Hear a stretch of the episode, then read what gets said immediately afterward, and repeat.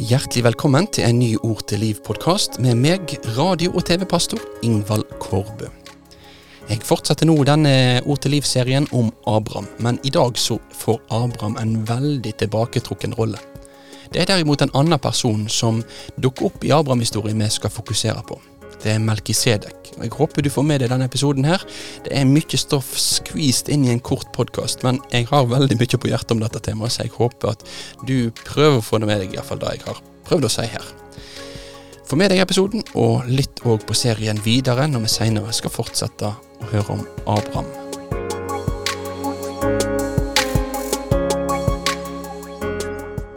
Jeg har alltid syntes at historien om Melkisedek i Bibelen er veldig spennende. Det er jo kanskje litt sånn jeg er som person, at når det dukker opp noen noe ting som ved første øyekast kan virke litt merkelig, ja, så trigger det meg. Og når jeg leser om Melkisedek i Bibelen, ja, så er jo det en litt sånn merkelig historie. For i Bibelen så er det mange ulike personer vi møter. Noen tar stor plass, og noen tar mindre plass. Men når vi møter Melkisedek, så møter vi en person som dukker opp helt ut av det blå. Det er faktisk nesten sånn at uh, han ikke helt passer inn i historien når han plutselig dukker opp. At flyten i fortellingen om Abraham, som det står om i Første Mosebok kapittel 14, den hadde vært enda bedre om ikke dette avsnittet om Melkisedek var der.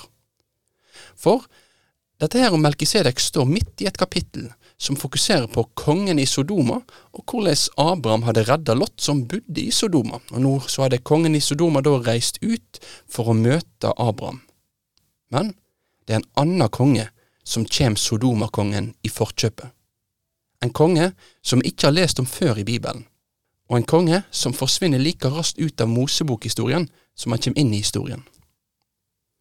Men selv om vi ikke kan lese mer om denne kong Melkisedek i Mosebøkene, så blir han en betydningsfull skikkelse seinere i Bibelen. I Salme 110 så skriver David om en prestekonge som skal komme, og Hebreabrevet sin forfatter, han knytter opp sin veiledning òg mot denne samme personen, og beskriver at Jesus, han er denne prestekongen som kom og var prest på Melkisedeks vis. I dagens Ord til liv-program der vi nå holder på med en serie om Abraham i Det gamle testamentet, så skal vi i dag stå opp opp for Melkisedek.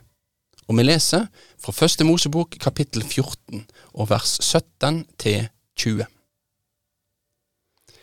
Etter at han hadde sleget Kedorlaomer og de kongene som var med han, vendte Abraham attende. Da drog kongen i Sodoma ut for å møte han i Slettedalen, det som nå er Kongsdalen og Melkisedek, kongen i Salem, kom ut med brød og vin. Han var prest for Gud, den høgste. Han velsigna han og sa, Velsigna er Abraham av Gud den høgste, han som bar fram himmel og jord. Velsigna er Gud den høgste, som har gjeve motstanderne dine i di hand. Så gav Abraham han tiend av alt.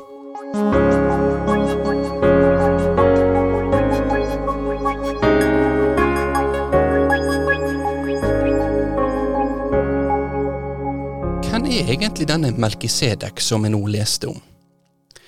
Opp igjennom kirka sin historie så har kristne mennesker i all hovedsak gitt to ulike svar på spørsmål om hvem Melkisedek var.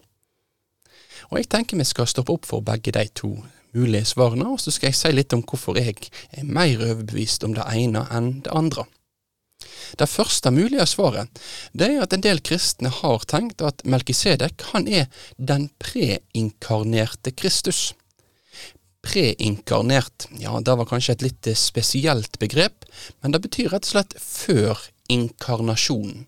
Og inkarnasjonen, det er jo det som skjer når Guds sønn, den andre personen i guddommen, blir menneske ved Jesu unnfangelse. Så når en da sier preinkarnert, så tenker en at her er det Guds sønn, han som er i Nytestamentet og i tid etterpå kjennes som Jesus Kristus, at han i gammeltestamentlig tid da viser seg synlig. Og dette er ikke den eneste teksten i Det gamle testamentet der en kan stille seg spørsmål om det er den preinkarnerte Kristus som møter oss. Vi har eksempel mange tekster i Gamle testamentet om Herrens engel som åpenbærer seg for mennesket. Et eksempel på dette her, det er når Herrens engel viser seg for Moses i den brennende busken. Og ofte så blir disse Herrens engeltekstene kjennetegna med at det er en veksling mellom at den personen som åpenbarer seg, blir omtalt som Herrens engel, og som Herren. Det er dermed i de tekstene om Herrens engel en nær assosiasjon mellom Herrens engel og Herren sjøl. Det er som om tekstene vil synliggjøre at når Herrens engel viser seg, så er det Herren som viser seg. Men i teksten om Melkisedek så er det ikke en sånn type språkbruk. Det blir aldri vist oss noe som peker på at han var Gud. Så dette er en av årsakene til at jeg nok ikke er helt overbevist om at det er den preinkarnerte Kristus vi møter i Melkisedek. Men enda viktigere så er det faktisk da at når både Salme 110 og senere Hebreabrevets forfatter i Nytestamentet skriver om Melkisedek og bruker den med tanke på forklaringen av Jesus, så står det ikke at Jesus er Melkisedek, men det står om Messias som skulle være prest på Melkisedeks vis. Det er en viktig forskjell. Messias er ikke Melkisedek, men Messias er prest på Melkisedeks vis. Og Dermed så tror jeg at det er en annen forklaring som er mer sannsynlig, og da handler det rett og slett om at Melkisedek han er en ekte, historisk person som har blitt født, og som har dødd, men som seinere bibelske forfattere har sett som et forbilde på den kommende prestekongen Jesus. Så da er det dette andre hovedsvaret i kirkehistorien, nemlig at han er en historisk person, som er den tilnærmingen som jeg òg legger til grunn i resten av dette programmet. Og om det da er sånn at dette var en historisk, kanonisk prestekonge, ja, så er jo det egentlig ganske interessant. Det er ganske interessant å merke seg da, da at han og Abraham bekjenner truet på den samme Gud i teksten. For det som står her, og det som står etterpå, så kan vi se at de bruker akkurat den samme formuleringen om Gud den høgste, Han som bar fram himmel og jord. Så det er en assosiasjon, det er en likhet. De tror begge på Gud den høgste. Selv om vårt fokus fra Abraham og utover i Bibelen i all hovedsak er på Abrahams slekt, så er òg dette en påminner til oss om at vi noen ganger i Gammeltestamentet i tid òg møter personer som ikke er en del av Abrahams jordiske slekt, men som like fullt deler hans tru. Men hva er det med denne personen som er så spesielt at seinere bibelske forfattere løfter han fram og bruker han for å male et bilde av Messias for oss? Fokuset på navnet, på hvor han var konge, og på det spesielle med at han var en prest. Og på ulike vis så kan disse punktene òg være berøringspunkt for deg og for meg i dag, for å understreke ulike sider ved Jesu kongelige prestetjenester for oss. Les gjerne Hebreabrevet kapittel 7, der alt dette blir utlagt i detalj. Men nå vil jeg resten av denne episoden kort prøve å nevne noe om disse tre hovedberøringspunktene. Og vi begynner med navnet. Navnet Melkisedek, ja, det betyr rettferdskonge. Og ut fra Abrahams tilnærming overfor han i Det gamle testamentet, så ser vi at han på mange måter ser ut til å være en som lever opp til navnet sitt. Abraham han gjev han tiende i alt, og gjennom dette viser han en stor ære, fordi han er ære verdt.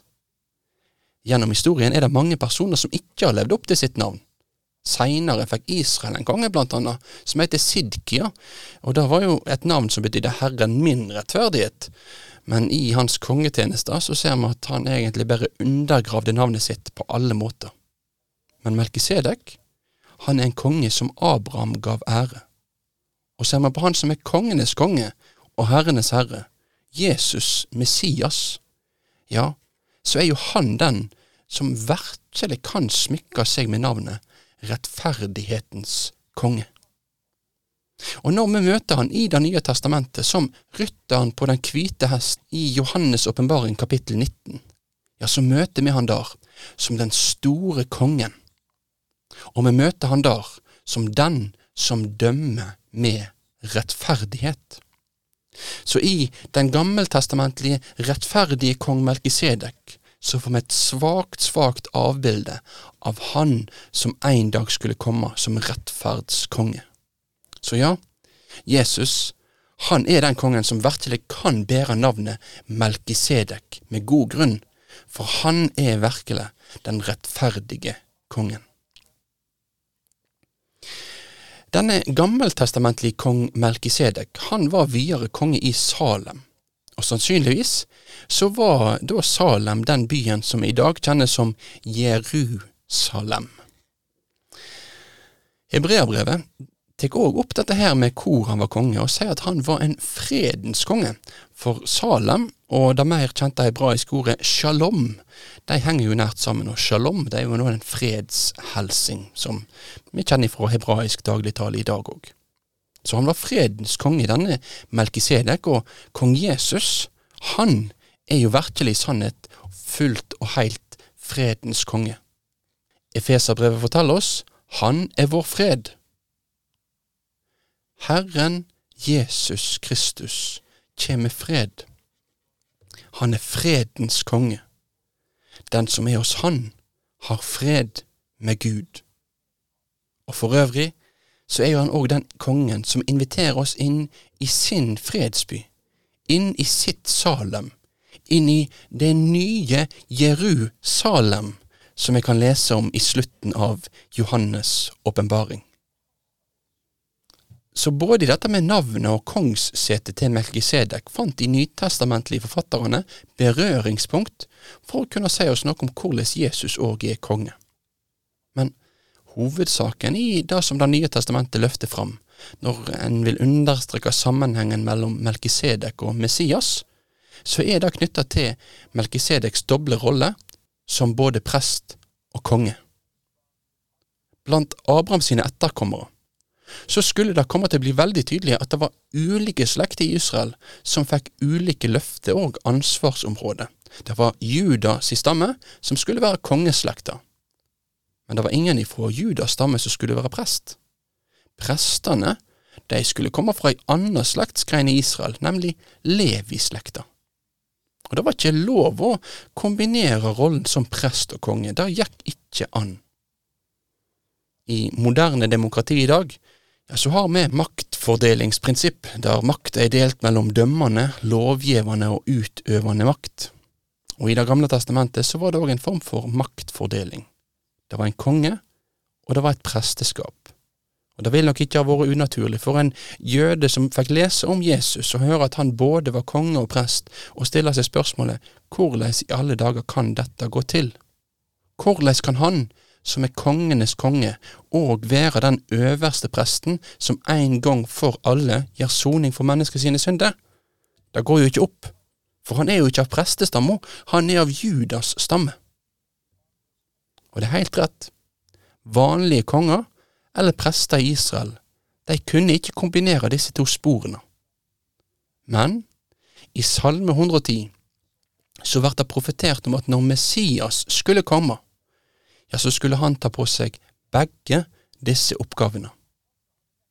Og når da Det nye testamentet understreker for oss at Jesus, han er Messias, så maler Det nye testamentet bildet for oss, bildet av prestekongen, han som er prest, og som samtidig er konge.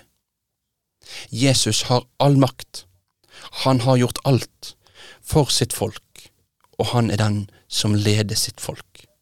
Han er prest på kong Melkisedeks vis, til evig tid. Amen.